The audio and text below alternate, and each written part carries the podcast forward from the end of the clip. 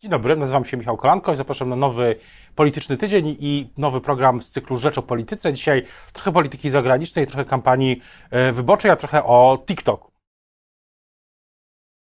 A Państwa i moim gościem dzisiaj jest e, Radosław Fokiel, szef Sejmowej Komisji Spraw Zagranicznych, Prawo i Sprawiedliwość. Dzień dobry. Dzień dobry, witam Państwa. Zacznijmy może od e, wypowiedzi ambasadora Polski we Francji, która się już dzisiaj roz... jest już szerokim echem się rozchodzi. Chodzi o taką zbitkę słów, z której wynika, że Polska może jednostronnie przyłączyć się do wojny e, z Rosji z Ukrainą. To, czy, czy, czy ten ambasador powinien e, stracić stanowisko za tą wypowiedź? Ambasador oczywiście nic takiego nie powiedział.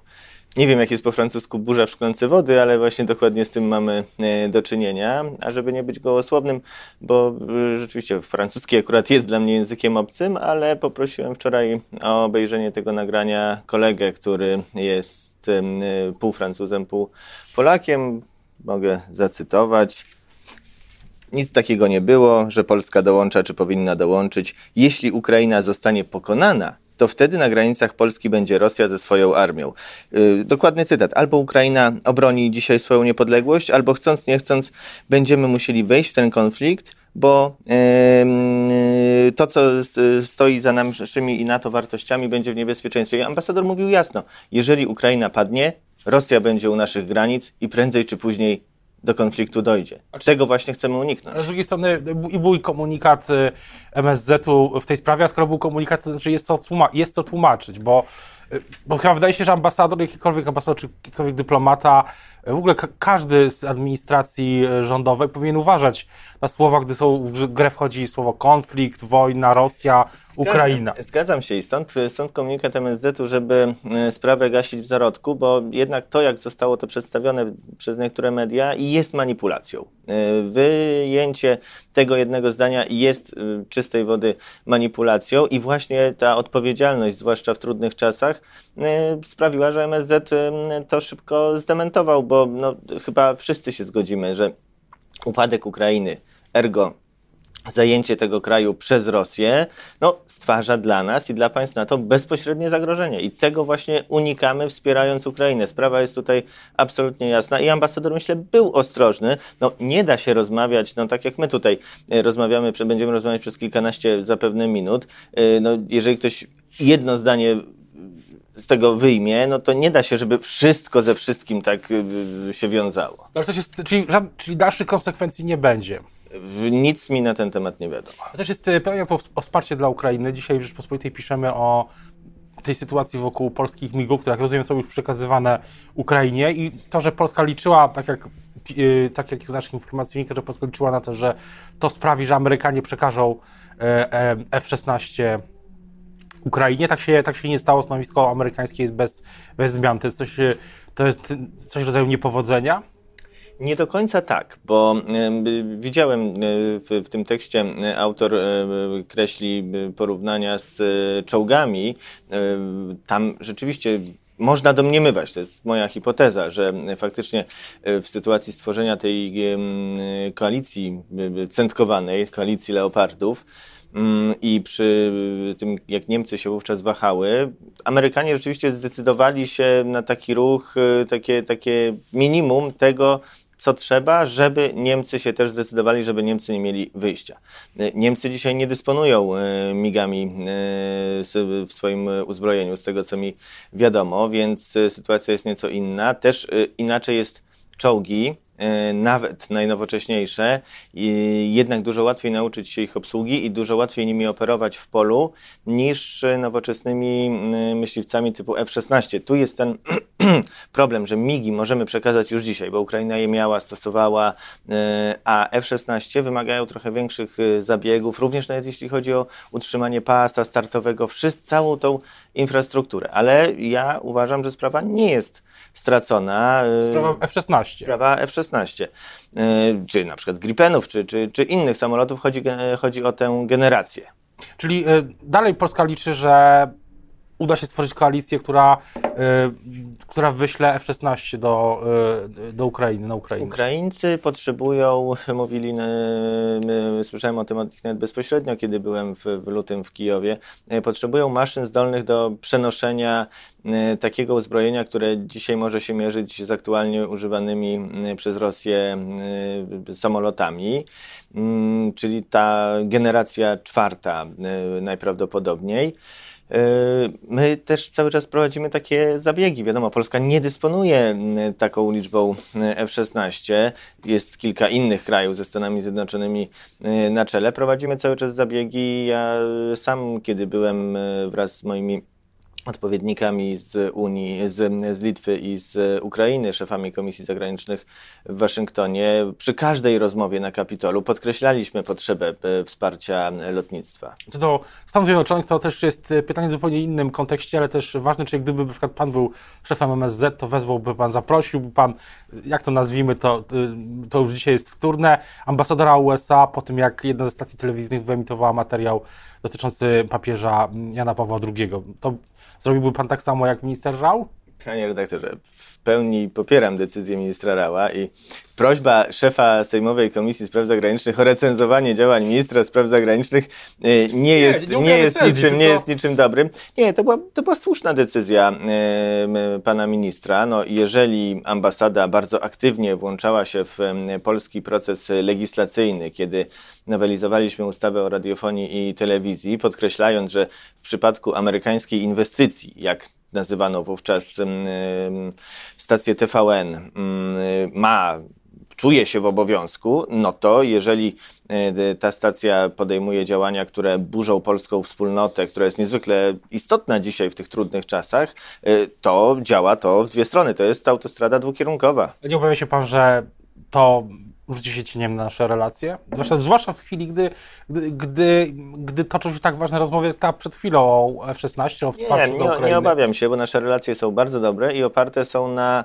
e, współpracy w wielu dziedzinach, ale również na tym, e, że traktujemy się e, partnersko. No, panie redaktorze, Polska jest y, sojusznikiem Stanów Zjednoczonych, a, a nie ich y, wasalem. Y, to te czasy skończyły się wraz z upadkiem Związku Radzieckiego i nasi partnerzy doskonale myślę, że to rozumieją.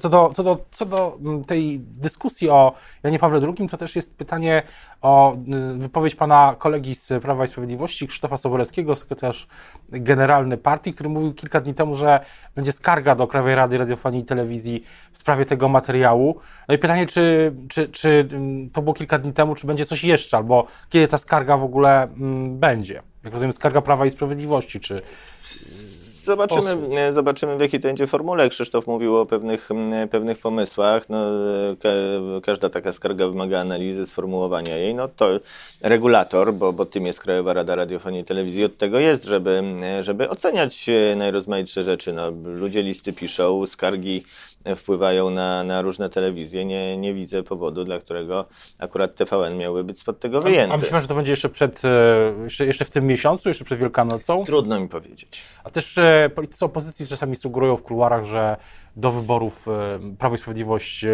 po tym materiale, tak mówiąc kolokwialnie, zabierze się za TVN 20, TVN, że będą kolejne działania i może kolejna ustawa w stylu Lex, Lex TVN. Jak, jak to prawda? Prawdą jest, panie redaktorze, że prawda powinna być tym, co dominuje w mediach.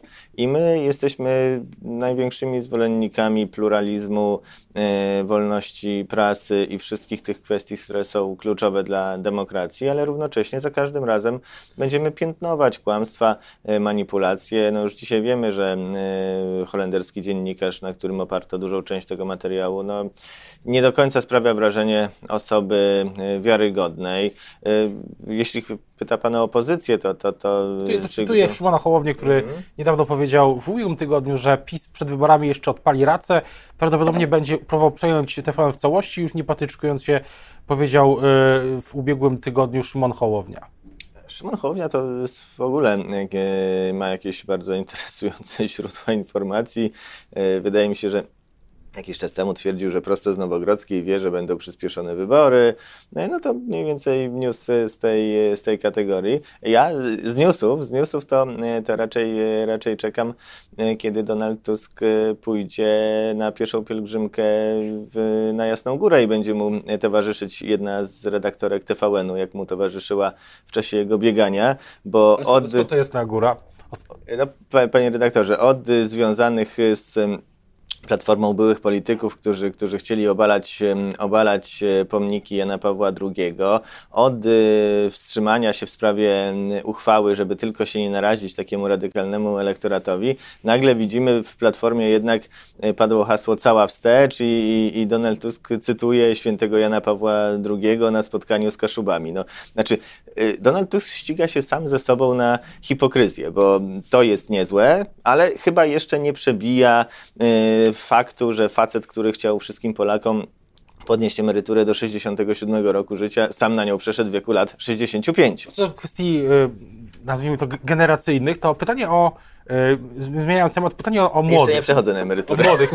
O to nie chciałem zapytać, o młodych, y, bo jest pan od pewnego czasu cytowany szeroko z, z pana wypowiedzi na filmie na TikToku, w którym tak, mm, którym pan pyta młodych dlaczego nie, nie, nie lubią, nienawidzą e, Prawa i Sprawiedliwości, że nic o PiSie nie wiedzą. Czy to jest dobra strategia, zwłaszcza jeśli chodzi o młodych ludzi, żeby ich tak e, ustawiać do, do konta? Czy to jest test nowej strategii? Czy to jest próba wygenerowania ruchu na, na TikToku, cytowalność? O, o, bo ten film na pewno widział Pan wszystkie te, nie, może nie wszystkie, ale widział Pan na pewno odpowiedzi. Ludzie znajdowali dużo powodów, dla których nie lubią PiSu. Nie, nie sprawiało im to wielkiej trudności, tak mając, mam dziwne wrażenie. E, przeglądałem i większość, no, większość nie odbiegała od e, tego, co możemy usłyszeć z ust polityków opozycji w dowolnym studio telewizyjnym. E, większość tych odpowiedzi jest bardzo łatwa do sprostowania czy wyjaśnienia. Będziemy się tym zajmować. Ja oczywiście słyszałem. Ale po co, ale o co chodzi z tą, z tą formą? Taką dosyć nie konwersacji, ale takiego powiedzenia nic, się, nic, nic nie wie, you know nothing, Jon Snow, jak, Jon Snow, jak to jak w, to zapraszamy, zapraszamy Johna Snowa do wyjścia z bańki i do, do przedstawienia pewnych, pewnych argumentów, a, a co do tej dyskusji, która rzeczywiście od wczoraj towarzyszy, wie pan, panie redaktorze, ja nie mam nic przeciwko temu, że nasza konkurencja będzie sobie poprawiać samopoczucie, twierdząc, że my nie wiemy, co robimy. Czy wprost przeciwnie. Ja uważam, że im lepsze samopoczucie naszej opozycji, tym nasza robota na jesieni będzie łatwiejsza. Yy, jeżeli ktoś uważa, że publikując takie, no bądź co bądź prowokacyjne pytanie, myśmy oczekiwali jako PiS, yy, że będziemy tam głaskani po główkach, albo że właśnie nie wyleje się hejt, no jeżeli ktoś, ktoś tak naprawdę sądzi, no to mówiąc oględnie, do specjalnie błyskotliwych nie należy. No a ja powiem panu, tak, no dzisiaj już mogę to powiedzieć otwarcie, bo, bo e, dzięki e, wsparciu, e, dzięki wsparciu twitterowej sekty silnych razem już wszystkie, wszystkie cele i współczynniki, które sobie postawiliśmy, zrealizowaliśmy. Czyli na TikToku, w sensie zasięgowe. E, tak, no konto Prawa i Sprawiedliwości na TikToku jest kontem dość młodym. E, jak pan spojrzy, ten, ten film w niecałą dobę wygenerował już 160 tysięcy odsłon, kilka tysięcy e, komentarzy. Wie, wie, ale też jest tak, że... Wie, wie, pan, wie pan, co teraz jak rozmawiamy, robią z tym algorytmy, algorytmy TikToka? No tak, ale pytanie, czy w ogóle mimo wszystko... Yy Prawo i Sprawiedliwość ma czego szukać na TikToku. Wczoraj e, Daria Brzezicka, rzeczniczka Unii Europejskich Demokratów, e, polityczka młodego, młodego pokolenia, zauważyła, że te statystyki e, Unii Europejskich Demokratów w porównaniu do konta na TikToku w porównaniu z kontem Prawa i Sprawiedliwości są dużo, dużo, dużo lepsze to nie jest jakiś sygnał, że, że jednak tam nie ma wyborców po prostu Prawa i Sprawiedliwości? Panie redaktorze, Prawo i Sprawiedliwość wychodzi z założenia, że wyborcy są wszędzie. Wyborcy różni, wyborcy różnych partii, my przed niczym nie uciekamy, ale zaiste nie jest y, naszym celem dyskutowanie na TikToku akurat z Unią Europejskich Demokratów. Co do, co do kampanii wyborczej, to też myślę, że wiele osób już poza TikTokiem zadaje sobie pytanie, kiedy do objazdu Polski wróci przez PiS Jarosław Kaczyński, bo zostało jeszcze, jak pamiętam z, z dyskusji, z tego co mówił też e, rzecznik e, Rafał Bochanek, że 35 okręgów zostało prezesowi Kaczyńskiemu, żeby objechać. To okręgi w samym Prawie Sprawiedliwości, których jest 94, czyli jedna trzecia mniej więcej. To tak jest, to jest kilka ładnych, ładnych tygodni, więc pytanie, czy jeszcze przed Wielkanocą prezes Kaczyński będzie miał takie spotkania w terenie, jak niedawno Biorąc pod uwagę, że Morawiecki czy, czy premier Sasin. No, wczoraj chociażby w moim e, rodzinnym okręgu wyborczym w Kozienicach była pani e, minister Anna Moskwa. Też bardzo dobre e, spotkanie, bardzo dobry, bardzo dobry feedback od samorządowców, jeśli chodzi to samorządowców, którzy podkreślali niektórzy z nich, że są bezpartyjnymi samorządowcami dotyczący wsparcia rządu dla, dla tych władz lokalnych. Biorąc pod uwagę, że do świąt już nie jest daleko, na ręki sobie uciąć nie dam. E, to kwestia pewnie kilku tygodni, e, kiedy i pan prezes dołączy e, do tej trasy. Później, jaki jest kalendarz? Te kilka tygodni, czyli już kwiecień zapewne, później koniec objazdu i co wtedy? Listy, będą układane listy? Decyzja, co zrobić z koalicjantami? Nie, no panie dyrektorze, no listy to, to, to raczej, list, listy to jest coś, co w roku wyborczym politykom psuje wakacje. Tak zazwyczaj bywało. A co do, y, co do koalicjantów, to czy, czy jest już jakaś kierunkowa decyzja po tym wstępnym ustaleniem co do, co do współpracy z Solidarną Polską, z, z innymi partiami?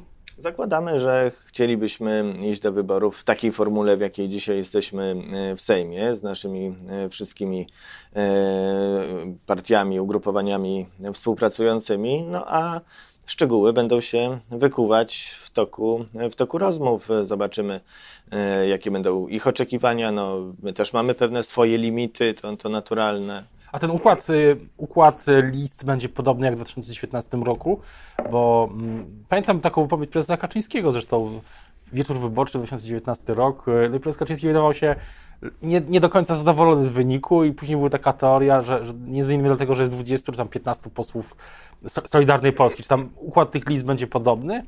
Czy będą jakieś zmiany? Czy, czy jak, jak to może W 2019 roku, no z jednej strony mm, oczywiście bardzo byliśmy wdzięczni Polakom, że po raz drugi powierzyli nam y, większość. Bardzo się cieszyliśmy ze zwycięstwa w wyborach, ale oczywiście wie pan, zawsze jak ktoś sobie stawia bardzo ambitne cele, to, to, to o niedosyt y, nie trudno. My wolelibyśmy mieć y, większość stabilniejszą, na przykład z 15 y, posłami ponad 231 i do tego będziemy dążyć. Co do, co do tej dyskusji o, o listach, no to pytanie, czy Prawo i Sprawiedliwość, czy pan, prezes Kaczyński, władze Prawa i Sprawiedliwości w ogóle śledzą tą debatę w ramach opozycji. Dzisiaj sondaż obywatelski, tak zwany w, w, w Gazecie Wyborczej, no i wniosek jest tak skonstruowany, że tylko jedna lista gwarantuje zwycięstwo. Pan to śledzi w ogóle? Trochę jako ciekawostkę śledzę.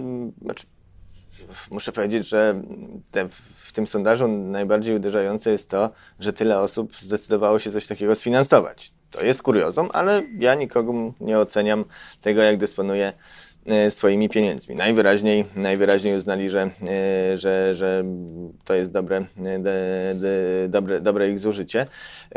No, o merytorycznych czy, czy metodologicznych kwestiach tego badania już dzisiaj się wiele osób zdążyło wypowiedzieć, że no, tak naprawdę widzimy tam tylko jakiś efekt końcowy zaprezentowany rzekomego podziału mandatów.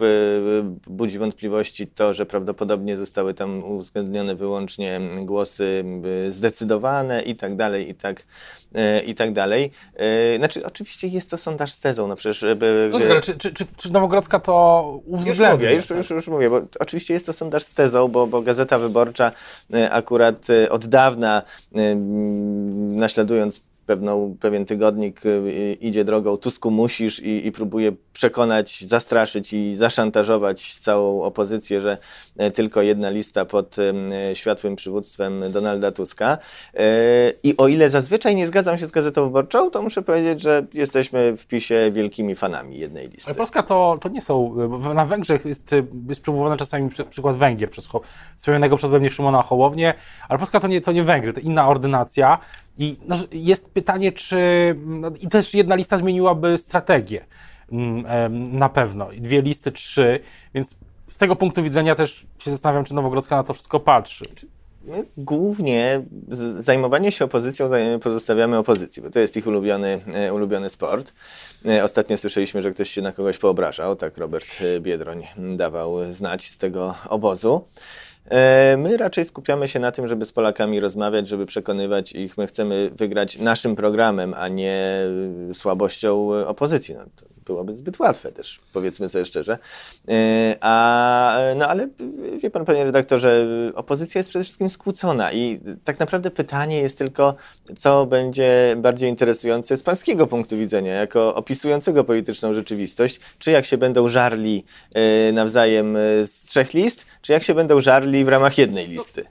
Pytanie jest e, dla mnie też, jeśli chodzi, mówi Pan o program. Myślę, że, myślę, że gdyby była jedna, jedna lista, to z takiej pragmatyki prowadzenia kampanii wyborczej e, przy, przy, przy takim e, zróżnicowaniu kandydatów na listach, to myślę, że żaden baner nie byłby bezpieczny, bo długo by nie powisiał, bo też, koledzy by się nim zajęli. Też, też wracając do, do programu Prawa i Sprawiedliwości, o to mówi Pan o programie, więc pytanie o program, kiedy on zostanie przedstawiony i czy czy Prawo i Sprawiedliwość może być, e, na przykład po tym jak zaprezentowało Polski Ład, a później się z niego wycofało, to jak będzie teraz program e, na nową kadencję hipotetyczną, to czy będzie w tym wiarygodne? Omija rok od tego zamieszania, mówiąc delikatnie. Na, na, to najpierw jeśli chodzi o Polski Ład. Przecież znakomita większość rzeczy, które tam zostały zapisane w tym programie e, jest e, realizowana. Jest przecież Fundusz Inwestycyjny Polski Ład, z którego idą e, dziesiątki milionów złotych do samorządów, na drogi, na oczyszczalnie ścieków, na, na, na kolektory, na oświetlenie, na, na chodniki, na najróżniejsze sprawy. To, to, jest, to jest rzecz pierwsza. Rzecz druga, powiem panu ciekawostkę, bo ta część podatkowa Polskiego Ładu, odsądzana tak od czci wiary. No, sam pan pewnie też widział kilka tygodni temu, jak tylko zostały uruchomione tegoroczne epity w mediach społecznościowych, ile było wpisów, ile było screenów y, z, z, z y, aplikacji pokazujących zwroty podatkowe. Y, a jeśli chodzi o... Jeśli chodzi narracyjnie o... PiS się z tego wycofało. Eee, bo wiedzieliśmy, bo wiedzieliśmy, że to się, że, że, to życie zweryfikuje. Ja zresztą niedawno będąc na spotkaniu w gminie Gust y, pod Radomiem, zapytałem obecnych mieszkańców, że kto, kto z Państwa już, już zdążył się zalogować, mm, kto widział swojego pita, czy, czy dostawał zwroty. Było kilkanaście głosów e, na sali, prawie 100 osób tam było na sali, kilkanaście głosów e, mówiących tak, dostaliśmy zwroty, nikt nie mówił o dopłacie. Wracając, Ale wracając do programu. Program będzie wiarygodny. Może być wiarygodny po tym też, co się wydarzyło e, z wieloma innymi obietnicami. Na przykład Mieszkanie Plus, Prezes Kaczyński sam przyznawał, że Program będzie udało. wiarygodny, bo sygnuje go swoją wiarygodnością Prawo i Sprawiedliwość i trzeba jasno powiedzieć, że zdecydowana większość tego, co planowaliśmy, na co umawialiśmy się z Polakami i w 2015 roku, i w 2019 roku została zrealizowana a rzeczy, które nam się nie udały, nie pudrujemy rzeczywistości. Mówimy jasno. Tutaj trzeba to poprawić. Mieszkanie, chociaż kwestia mieszkaniowa jest takim, te, takim tematem yy, i jesteśmy zdeterminowani, żeby to rozwiązać. Oczywiście to jest jeden z najbardziej yy, palących dzisiaj yy, problemów. Stąd nasza propozycja, chociażby przedstawiona przez ministra Budę, kredyt 2%. Wracając do samego kalendarza, mm, to jest kwestia przed wakacjami, po wakacjach w czerwcu. Pamiętam, że była duża, pamiętam konwencję PiSu w Lublinie w 2019 roku była już po wakacjach z takim przedstawieniem też programu? Czy będzie to, ten, ten kalendarz będzie utrzymany? To jest już kwestia czysto techniczna, to, to już e, będzie decyzja e, sztabowa związana z kalendarzem innych wydarzeń, związana z pewną dynamiką e, kampanii, żebyśmy też mieli jasność, bo, bo, bo ja słyszę czasami drwiny, o PiS to tak mówi, że ma program, po czym, po czym jedzie i pisze program. No, no tylko, no właśnie, że, co z tym programem? Wie pan, panie że różnica jest taka, że my zawsze mamy program. Zawsze przed wyborami publikujemy, to jest oczywiste, że program wyborczy publikuje się przed wyborami, a później 4 lata się go stara po zwycięstwie zrealizować. No tylko my ten program mamy i jak pan wejdzie na stronę Prawa i Sprawiedliwości, to może pan sobie w PDF-ie te programy ściągnąć, a nasi konkurenci tych programów nie mają. A to, do czego my zmierzamy generalnie. No, jest przecież Hołownia wszystkim... Kosiniaka mają listę, listę wspólnych spraw, więc to tak... E, no listę wspólnych spraw, to, to, to, to wie pan, no, to lista, lista sprawunków równie dobrze może być. No, mówimy o poważnym programie e, politycznym. Naszym pro... a, a, a, a jeśli pytałby Pan o takie najbardziej zasadnicze różnice, no to naszym, naszym programem jest oczywiście bezpieczeństwo Polski, jest y, pozycja Polski i jest, jest komfort życia Polaków i my nie, nie wycofujemy się tak jak Donald Tusk, który de facto ogłosił e, reiteradę z, w, kwestii, w kwestii reparacji. No, to, to są przecież żenujące zagrywki. O tym, o tym myślę, Platforma Obywatelska ujawnia kolejne, kolejne punkty dotyczące mieszkań, czy teraz energetyki, więc będziemy tę dyskusję śledzić. Teraz bardzo już dziękuję za rozmowę Państwa i moim e, gościem. Dzisiaj był Radosław Fogiel, szef Komisji Spraw Zagranicznych w Sejmie Prawo i Sprawiedliwość. Dziękuję bardzo. Dziękuję, miłego dnia.